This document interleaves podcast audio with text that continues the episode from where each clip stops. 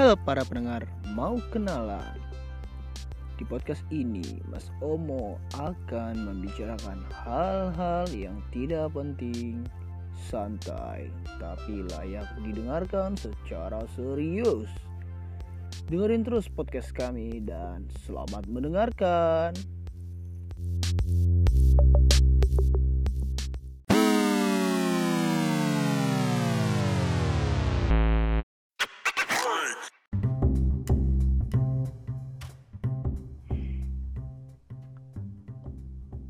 Ini podcast gue lebih lebih menarik karena gue langsung dapet tiga narasumber dan dia bekerja di rumah sakit.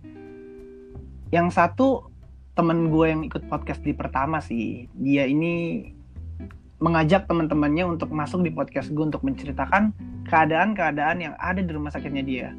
Suka sih gue mau cerita-cerita kayak gini nih karena mereka tuh mendapatkan pengalaman-pengalaman yang berbeda dari Dita yang kerja di klinik, dari Mas Ade. Mas Ade ini gue baru kenal hari ini dan langsung gue record bareng dia. Dia ini temennya Dita, katanya sih teman kuliah dan satu lagi namanya Yanti. Yanti ini teman kerja gue di tempat kerjaan gue yang lama. Dia kerja di rumah sakit besar di Jakarta dan punya cerita seru karena dia dipindahin ke bagian IGD. Halo kalian. Halo, hai. Wadaw, wadaw, wadaw. Tom, gue semangat, semangat banget. ya. Wah ini Mas Ade. Iya nggak apa-apa, nggak apa-apa join aja. Kan gue mau nyari perbedaan-perbedaan gitu loh. Gimana sih tahapan-tahapan di rumah sakit? Karena kan gue nggak ngerti ya kerja di rumah sakit itu kayak Hmm. gimana. Ya jadi nanya-nanya aja. Uh, Basa-basi banget ya gue. ya. Ya kan kalau kalau si Dita ini udah menceritakan tentang dirinya ya. Jadi gue mau nanya tentang Yanti dan Mas Ade mungkin sekarang. Mas Ade tuh tinggal di mana sih sekarang? Di rumah. Oh thank you, thank you Bang. di Bekasi. Kayak takut bak. Oh di Bekasi, Bekasi jauh, Bekasi. Bekasi jauh bukan banget Pekayon kan? di Bekasi sih Bekasi Timur. Deket lah kalau sama si Yanti. Oh, itu kalau kalau di tempat lo ini, lo dijemput gak sih dari tempat kerjaan lo? Apa lo tetap jalan sendiri dari rumah? Alhamdulillah kalau dari tempat kerja gue sih nggak ada jemputan Wah, alhamdulillah, ih orangnya bersyukur banget. jadi Menarik. semua karyawannya ya nyari jalan sendiri untuk datang dan pulang Oh. Mandiri. Berarti beda ya kalau ka- kalau iya mandiri banget. Kalau di RSCM kan enggak ya. Gue dapat kabar katanya Eh, dijemput. eh, Enggak apa-apa. Emang kenapa kalau rumah sakit RSCM kita sebut? nggak apa-apa. copyright Pokoknya nggak Nggak It's mandiri okay, kan? gitu. copyright. Enggak lah. Copyright emang kita dituntut ntar sama RSCM. Kan dia kita kan berbagi cerita tentang untuk mengajak orang-orang supaya taat lah sama peraturan pemerintah supaya mengurangi beban-beban kerja kalian. Betul, betul, betul, betul. Iya, betul. Oke. Oh, so suci. So suci banget saya. Mengingatkan PSBB ya kemarin. Yap, betul banget mengingatkan PSBB. Karena gue tadi ngeliat di sosial media udah ada eh, plan untuk ini loh, apa sih? Pengen dibuka lagi, Jakarta mau dinormalin lagi tanggal Iya, 8 iya, Juni. Kalau nggak salah tadi gue ngecek di Iya, handphone tuh kayak gitu. Iya, tuh mulai Nah, 8 Juni tuh Normal. mau udah buka loh. 8 Juni mall udah normal dan itu kan kalau bukan karena perilaku-perilaku masyarakat yang lebih taat, itu akan lebih cepat terrealisasi kan. Betul. Jadi tujuan podcast gue di sini tuh mau ya ngajak-ngajak orang yang gitulah biar kangen mall Oh, gak sih kalian tuh? kangen lah. Oh. Sa Wah, gue kangen bau Gue kangen bioskop banget sih di parah bener banget kangen popcorn ya dia. parah parah parah gue kangen mbak mbaknya sih karena lucu lucu banget Wow. iya sih bener. oh iya, iya.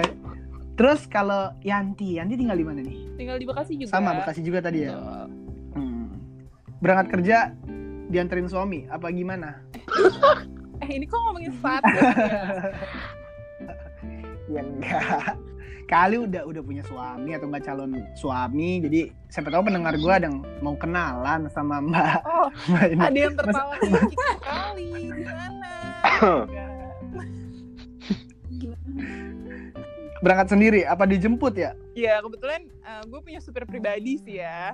Dijemput, Wah, luar gitu. biasa. Dijemput sama jemputan di sekolah. Di sekolah.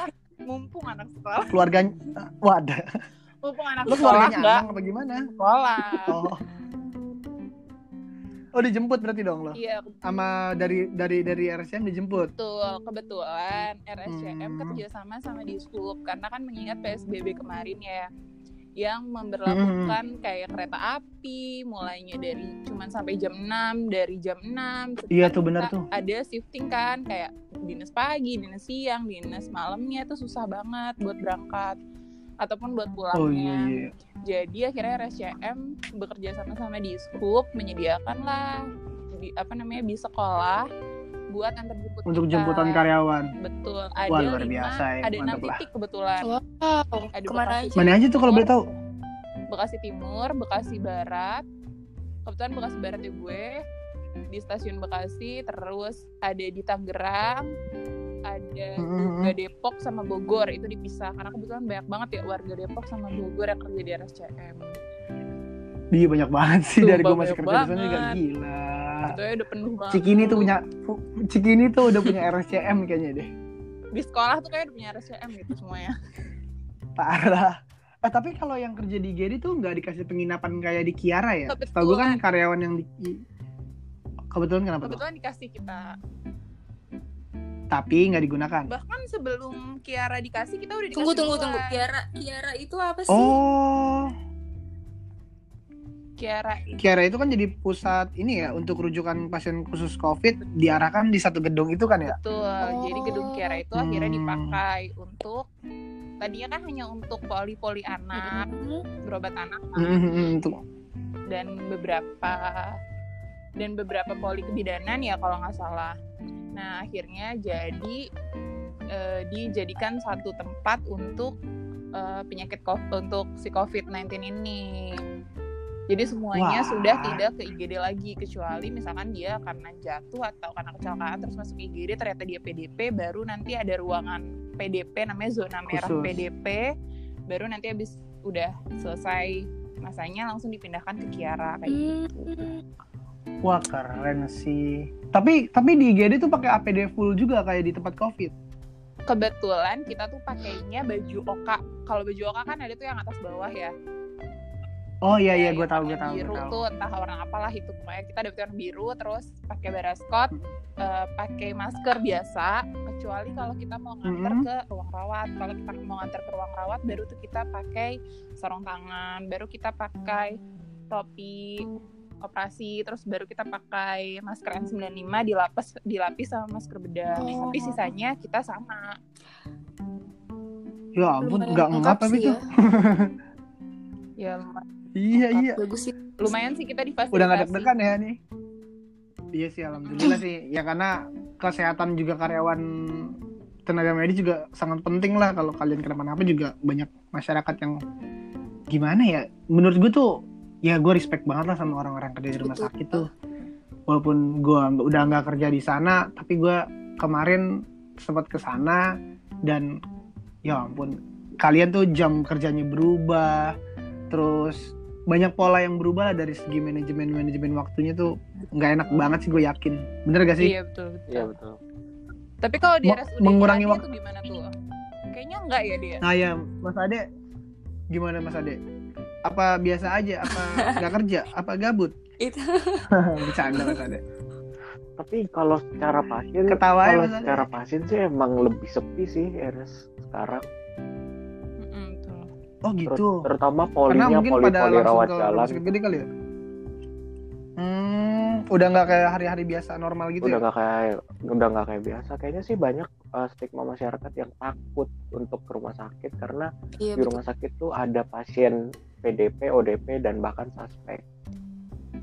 Jadi Iya, mereka stigma. lebih memilih Wah. ke puskes atau ke klinik biasanya.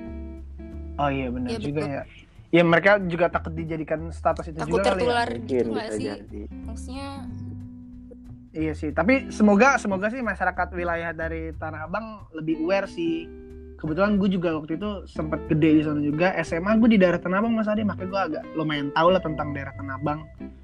Jadi ya semoga aja masyarakat Tanah Abang aware sama diri mereka sendiri dan saling mengingatkan supaya anjir muak gak sih kalian tuh kayak gini-gini mulu bosen gak sih Bosan Duh. sih. Gimana ya? Kalau mungkin ya, mungkin kalau yang dibilang kita bosen ya kan kita tenaga medis nih ya jatuhnya Tom. Jadi kita sih kayak masih ada tujuan gitu loh tiap Iya. hari. Oke, kita masih kerja bla bla bla. Mungkin yang lebih bosen tuh kasihan yang WFH itu kali ya. Lo gimana? aduh oh, anda menyi- menyinggung sih yang lain kami ada Iya. dan Yanti gimana? Tapi bener sih yang WFH WFH itu pasti berasa banget dia kerja di rumah ngapa-ngapain dari rumah. Kalau kayak kita kan masih, Masih ada tetap kan keluar kegiatan rumah, kita tetap. masih kegiatan ya normal aja sama aja seperti sebelum covid. Mm-mm. Nggak ada yang berubah Ah, iya bener rutinitasnya. Mungkin yang berubah kayak sekarang lebih apa ya lebih ha- hati-hati lah Iya, ke bener. diri sendiri pakai APD pakai banget. menjaga banget Kita kesehatan lebih sering pakai APD, sering jaga kebersihan lah pokoknya. Penting. Apa-apa cuci tangan, bener. megang pintu cuci Setiap satu tangan. Wah. Habis Cuci nganter barang cuci tangan gitu. udah ngeresep satu cuci tangan Iya. kering tuh tangannya eh, lama-lama banyak tuh tangan kena air mulu Menciut. Ribut. parah parah parah tapi bener sih mungkin gue gue cerita tentang Iya, diri gue yang ngejalanin work from home ya Oh, work from home ya. iya gue kan udah di di bagian kantor Hmm. sekarang terus jadi kayak gimana ya gue ya. bener sih banget banget ya kalau dibilang podcast ini ada mungkin karena hasil gue di rumah dulu doang dan banyak lah Wih. hal-hal yang gue lakuin hal-hal bego mungkin si Risma tau lah gue bikin video-video gue Lu bikin jadi konten kreator. ya nggak tau lah di luar nalar sih ya konten kreator dadakan sih tapi karena ya jujur gue bosan banget karena gue tipikal orang yang nggak biasa di rumah sering main gitu ya tiba-tiba dilarang gitu kayak kayak tahanan kota jadi gitu gak sih Iya, biasanya anak jaksel gitu kan suka nongkrong kongko-kongko gitu ya ya. lo tau lah which is which is gue tuh is. nggak nggak biasa banget Iya, di rumah gaul banget. Hmm, emang iya pak ini kan maksudnya biasa kan keseharian gue tuh setiap hari minggu gue ngaji malam minggu gue clubbing jadi nggak nggak nggak ngelakuin hal gitu tuh. Dosa, dosa plus pahala berbanding lurus ya, Tom. iya jadi tuh gue masih kayak masih gloomy banget kehidupannya tau gak sih? Gak apa-apa, sama. banget. Tapi tapi gue mau nanya deh selama udah mulai adanya disuruh di rumah aja psbb karena pasti juga rutinitas kalian juga berubah dong. Nggak mungkin nggak walaupun kalian tuh tetap beraktivitas kerja tapi timbul lah benih-benih kayak ngide. Kemarin tuh sempat sempat booming yang bikin dalgona kampret tuh. Itu kak kalian ikutan nyobain gak sih? Walau kan kalian kan kerja nih tapi nggak mungkin lah kalian nggak main sosial media pasti ngeliat kayak Oh, "Ini apaan jadi sih orang-orang pada di rumah aja banyak bikin tren yang muncul makanan." gitu lah ya. Makin kreatif. banget orang. banget banget banget nah itu nah iya banyak kan ngide sih gue rasa Kalau gue, itu kalian juga ikutan nah dari gue ya kayak cewek seperti biasa maksudnya kayak sekarang banyak kan cewek-cewek tuh yang makin rajin aja sih bereksperimen dengan resep-resep terus atau enggak bercocok tanam itu gue banget sih. Gue jadi suka menanam tanaman terus apa so asik Itu ya? bagus. Dalam game. Iya iya iya iya. lu bercocok tanam dalam game. Pak banget. Oh iya. main hago. Main high day lo. Bukan, Mama township Oh, tapi di iya. real life juga kan gue menanam. gue menanam cabai-cabean gue menanam Oh. terus kenapa harus cabe anjir? Ngomongin cabe-cabe itu kayak mencerminkan diri Iya. banget ya? Maksud lo? Iya. kayak salah itu gue gitu. Terus kalau yang lain gimana nih Andi sama Yanti?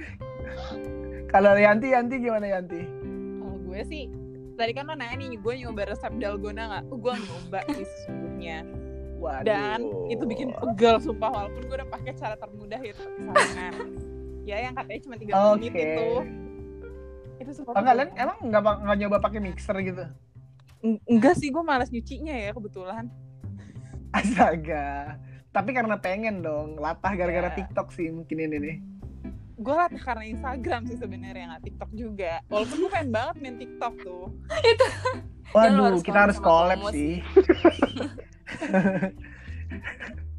gue pengen bikin yang aku, aku cinta padamu. Nggak, update itu- banget itu ya lo Tom, soal per TikTokan Pusing banget. Sebenarnya nggak ngupdate sih gue tuh, kayak lebih tepatnya ke distract sama lingkungan gue. Kayak ada yang ngechat gue, Oh lo kan orangnya heboh ya, bikin kayak gini dong, ntar collab sama gue. Awalnya apaan sih, jiji, jiji, jiji. Ditelepon lah sama orangnya kayak, dia minta tolong. Eh, ya udah deh iya ayo kita bikin dulu anaknya Sebenernya lu Akhirnya- pengen aja, cuman malu mulainya lu. hati kecil gue mungkin iya tapi gue malu sebagai laki-laki kejantanan Kalau terus lo usik ya banget sih langsung kayak aduh aku pengen suntik testosteron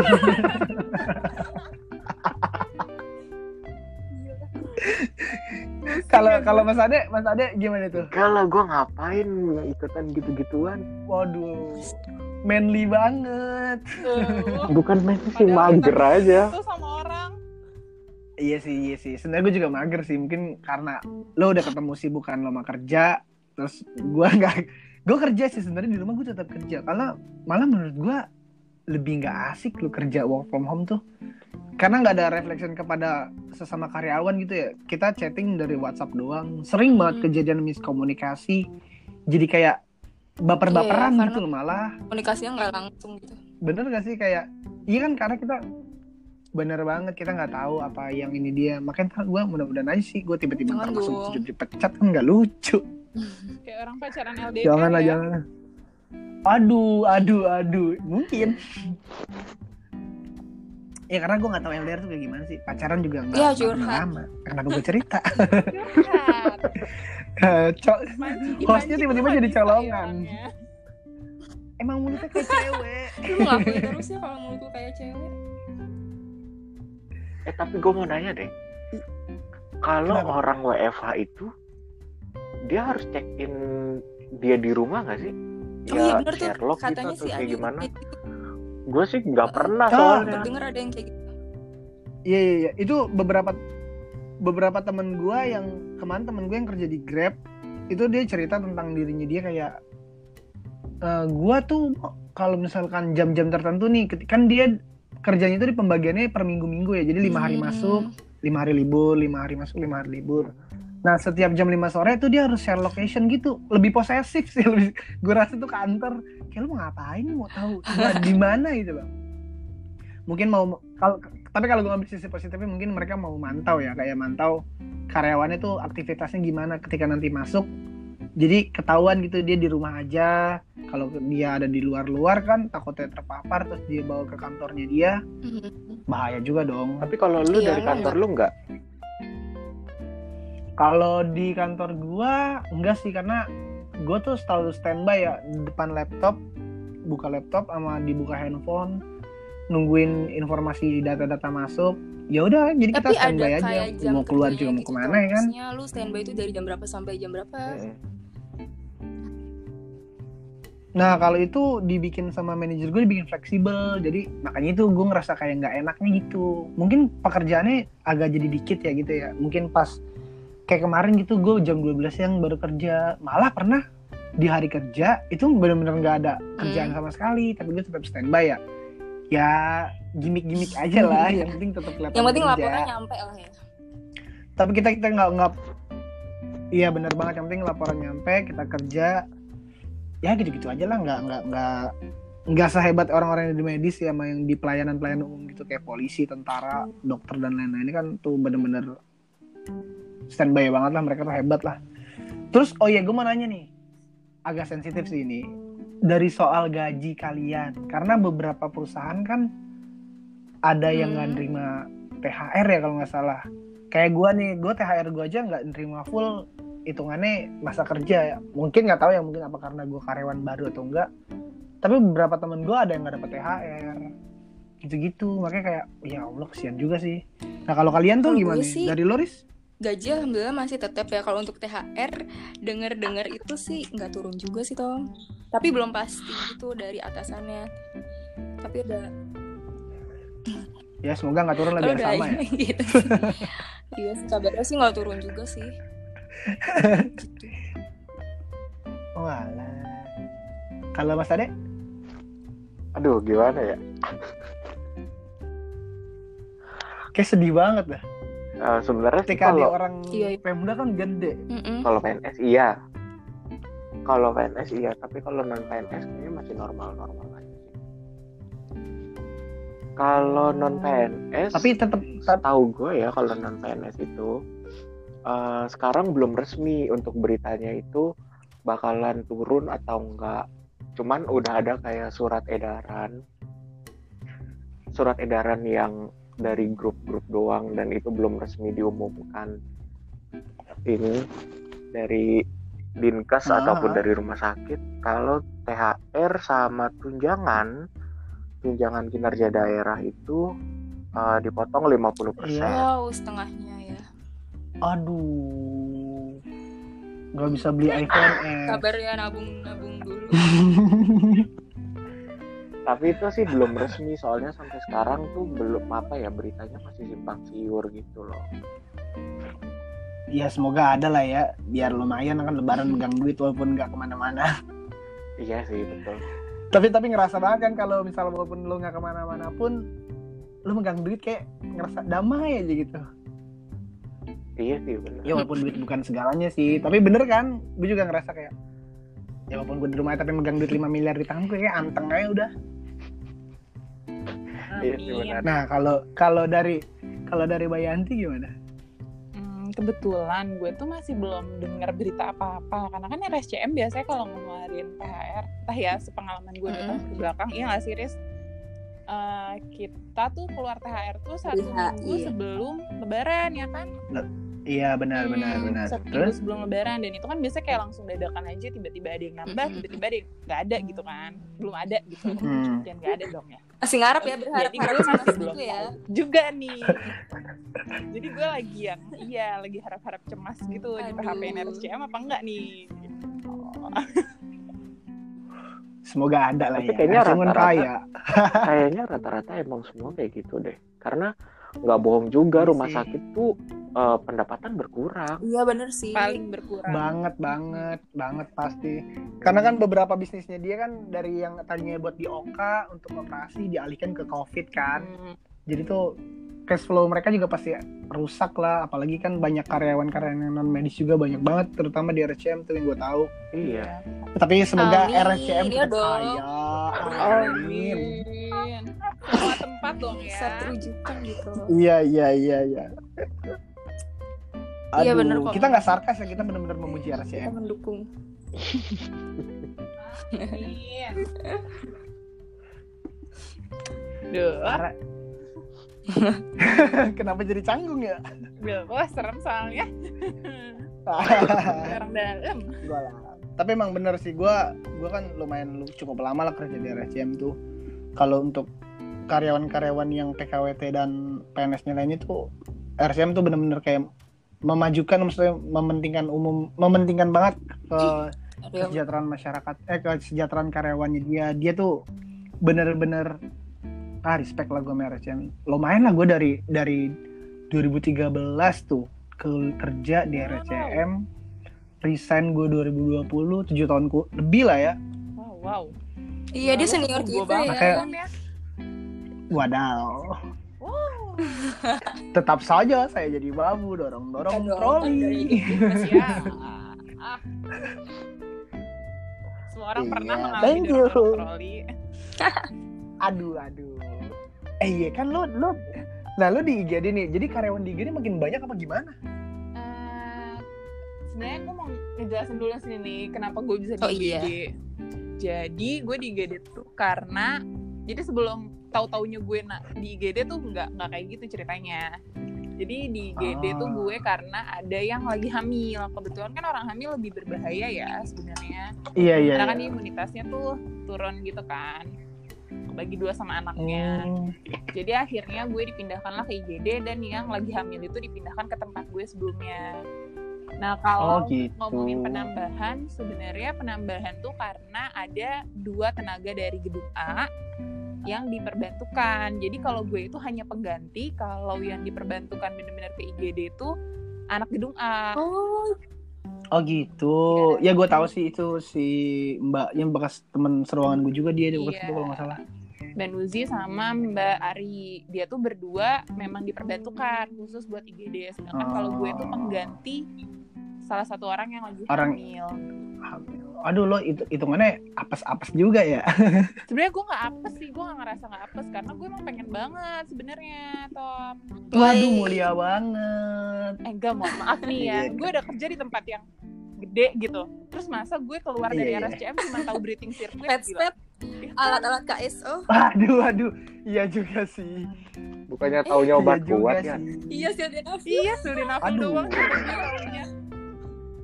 kan kayak gila lah kerja di RSCM gak nambah ilmu gitu kan Sildenafil tuh apa sih? iya Viagra. coba Terdengar Jadi nambah pengalaman juga ya yang ke bagian-bagian lain. Bagus sih. betul Kita berek banget sih banget banget, banget itu. i- Wah keren lah. Apaan sih Riz? Nggak jelas dah. Oh, nggak jelas ya kalau gue ngomong serius. Tapi kalau gua ya di Pemda untuk Hmm. Pemprov ya kebetulan untuk rumah sakit rumah sakit yang dijadikan rujukan COVID itu ada tenaga tambahan. Dari Contoh oh ya volunteer volunteer gitu ya deh ya PNS. itu tuh dari langsung dari Dinkes DKI sih, Wow, tahu keren gua dong. ya. Oh. Jadi ada mereka tuh ngirimin kayak contohnya deh dari tenaga RS gua aja itu ada yang dikirim ke RSUD Cengkareng karena RSUD Cengkareng itu sebagai rujukan COVID. Nah, Hmm. Oh, Setelah ngirim ternyata RSUD Tanah Abang juga dijadikan uh, salah satu rujukan karena zona merah di Oh, daerah gitu. Petamburan Oh, tuh kalau nggak salah banyak daerah Petamburan Iya tuh tamburan banyak banget banyak. katanya kena. Nah, kebetulan Tanah Abang kan deket juga tuh dari Petamburan. Jadi, Oh iya, gue baru dapat info lagi. Katanya, sorry sorry Ah. gue potong. Itu di kebun kacang kan depan banget kan sama RSUD lo Iya, betul. di depan rumah sakit lo ini. Itu ada 24 orang yang terpapar katanya kan udah jadi PDP apa nah positif ya sih itu itu? baru kemarin. Itu sih katanya sih masih PDP.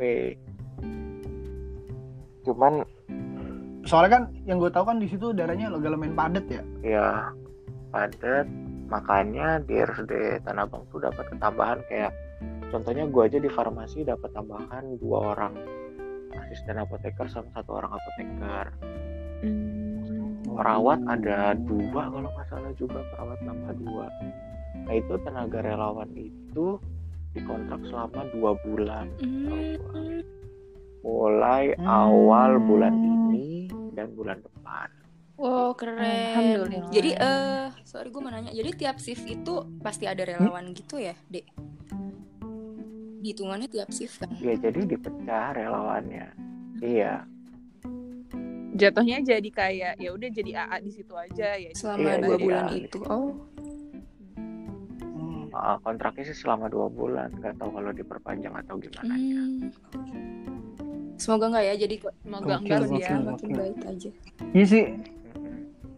Iya Amin amin amin amin. Iya kemarin gue sempat dapat dapat gimana ya?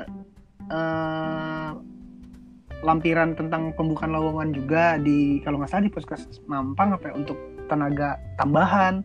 Nggak tahu ya itu tenaga tambahan itu bersifat untuk sementara apa jangka panjang karena gue sempat kayak mau ngelamar juga kan kayak gue pengen lah cuman kalau gue izin ke orang tua gue katanya Oh, itu "Udahlah, enggak nggak enggak usah." harus Fokus aja kerja di tempat yang baru, jangan- Jadi umum gitu. Enggak karena gue gue Oh. perhatiin kan ada pilihan tuh kayak cleaning service, tau gue tuh di situ. Terus kayak mungkin ibu-ibu pos ya kalau di RSCM ada kan orang pos-pos yang suka ngebawa pasien kan itu bukan tenaga medis Iya, kan, betul. tenaga non medis yang suka nganter-nganter. Mungkin tambahan-tambahan di situ kali. Ya karena menurut gue mereka juga perlu lah Masa Hmm. dokter yang dorong-dorong Oh, sih, pasien ke ruang-ruangan lain? Oh, dibuka juga ya. Kayak gitu. Mama, iya kemarin gue kalau nggak salah sempet lah, gue sempet mau ngelamar tapi kayak ya udahlah nggak usah. Kalau nggak salah sekarang tuh lagi buka RSPAD Gatot Subroto tuh lagi buka deh volunteer. Lowongan volunteer ya setahu gue. Gatot Subroto situ Gatot? yang Senen ya? Iya betul. Itu Iya iya gue tahu gue tahu gue tahu. Tapi kalau di juga, emang banyak sih karena Hmm. kenapa? kalau di RSD gue sih rata-rata volunteer atau yang disebut tenaga relawan yang dikontrak dua bulan itu itu kebanyakan medis kayak farmasi, perawat, sama lab kalau tambahan. Oh. Nah kalau misalnya bukan kayak- tenaga yang di luar medis ya? jarang banget kalau kayak kemarin ada penambahan untuk cleaning service sama security itu memang untuk dipekerjakan secara reguler ke depannya di rumah sakit oh, gue. iya, lumayan sih. Wah, gokil sih. Gue berharapnya cepat kelar sih sih tapi awal Juni tuh. Ya, semoga normal berharap. beneran ya awal Juni. Amin. Amin, Aduh, amin. Jangan sampai lah itu vaksin. Oh ya, terus ditambah lagi katanya WHO mengeluarkan katanya vaksin akan ada ketika Secepat 2021. Udah udah udah di 2001 ya kalau dibilang cepat itu itu hitungannya lama lah karena kan Buat- vaksin tercepat kan yang gua tahu Iya. gua mencari tahu Maaf. Ebola, Mm-mm. Ebola tuh paling cepat kalau nggak salah sampai Tapi 9 kenapa? bulan doang deh kalau nggak salah. Nah kalau misalkan untuk vaksin COVID ini kan katanya 2021 itu udah cukup lumayan lama lah mungkin udah diteliti dengan lanjut dan jelas karena Setahu gue sih juga ada Ya. delapan negara yang lagi neliti delapan lab gitu loh Ya, yang lagi neliti seputar vaksin. Jadi entah vaksin mana duluan yang akan keluar buat jadi uji preklinis 2. Kan uji preklinis 2 tuh yang paling akhir tingkatannya. iya iya Nah, kayaknya di delapan lab itu entah yang mana sih Wuhan Iya, pun iya. ikutan Wuhan lab Wuhan tuh ikutan. Jadi mereka lagi berlomba Oh. Iya gitu kan, sih. lab USA tuh ikutan. Iya betul, lagi berlomba. nggak tahu ya tapi tapi gue mau nanya nih ya Hmm. andai kata nih Mm-mm. vaksinnya ada Hmm. kalian mau gak sih divaksin karena ya kita tahu lah kemarin seorang orang nomor kayak di sat- nomor satu di dunia ingin memberikan vaksin berupa chip yang akan ditanamkan di diri kita masing-masing. Bapak Bill Gates itu sangat baik sih memang, cuman tapi gue mikir lalu bukan dokter ngapain lu ngasih vaksin? Lu siapa? Jadi gue mau bertanya-tanya gitu loh. Itu vaksin. Ya lo kalian pada tahu lah mungkin beradar tentang teori konspirasi dan lain-lainnya ya. Cuman secara pribadi gitu gue pengen nanya sama kalian jika lo emang vaksinnya beneran ada dan udah diteliti lah ya kalian mau gak sih Vaksin yang dalam bentuk chip dimasukin itu. vaksin tersebut? Oh, atau yang Hmm. Ya entah vaksin ini nanti akan jadi seperti apa Hmm, kalau gue sih ya beranggapannya gini kan sebenarnya definisi vaksin sendiri kan eh, suatu bakteri yang memang dinonaktifkan dulu lalu dimasukkan ke dalam tubuh kita kan Hmm. untuk menciptakan Hmm. antibody itu sendiri kan. Nah kalau Iya, iya, masih iya. dalam bentuknya seperti itu, gue sih mau-mau aja karena itu kan udah teruji ilmiah, udah ada uji praklinis satu, praklinis dua, udah pakai kontrol Iya, iya. dan bla blanya itu gue sih mau. Tapi kalau misalkan menanamkan sesuatu ke dalam tubuh yang notabene adalah suatu benda asing, Iya, bener. itu benda asing loh ya. Uh, berbentuk teknologi. Kalau itu tuh gue nggak mau sih ya karena kan saat kita nanti dikubur kita meninggal Oh, itu masih ke semua kan harus kembali ke ya. dalam tanah. Iya, kalau ada sesuatu yang tertinggal dalam tubuh kita itu akan masih ke bawah gitu. Jadi kalau gue sih dalam bentuk chip nggak mau. ya. dalam bentuk vaksin gue akan mau bersedia gitu. Oke oke. Kalau lo Riz? Sama. Belum pada singkat singkat jelas itu kayaknya udah Wow, kita tuh udah diem nungguin itu sudah Jawabannya. sama idem. sama Yanti. Kan kemarin gue juga bilang kan kalau misal podcast kita sebelumnya kalau untuk chip sih ngeri sih takut. Gue kayak dikendalikan aja akhirnya terus nanti ih nggak mau ah serem. Ya. Iya kayak di film-film ya. Kalau kalau kalau Mas Ade gimana ya gue sih kalau misalnya vaksin ini gue disuruh ya bayar kita Bayar Iya, disuruh bayar. luar biasa ya. Ini kita mikir gratis aja ogah loh. gue sih enggak. Gue kalau di misalnya digratisin terus dalam bentuk chip, itu sih kayak apa ya? Aneh aja Iya. gitu menurut gue. Iya. Selama ini, di lu selama ini, nggak nggak nggak nyambung iya ya. nggak nyambung. Selama ini vaksin tuh kayak gimana sih bentuknya terus tahu-tahu ditanam chip. Nggak masuk akal aja Nggak gitu. jelas itu. Jadi deh, thank you ya udah udah berbagi pengalaman kalian di podcast gue. Wah ini sangat berharga sih. Semoga pendengar-pendengar gue lebih aware lagi dengan adanya kebijakan-kebijakan pemerintah untuk melakukan PSBB dan lain-lain.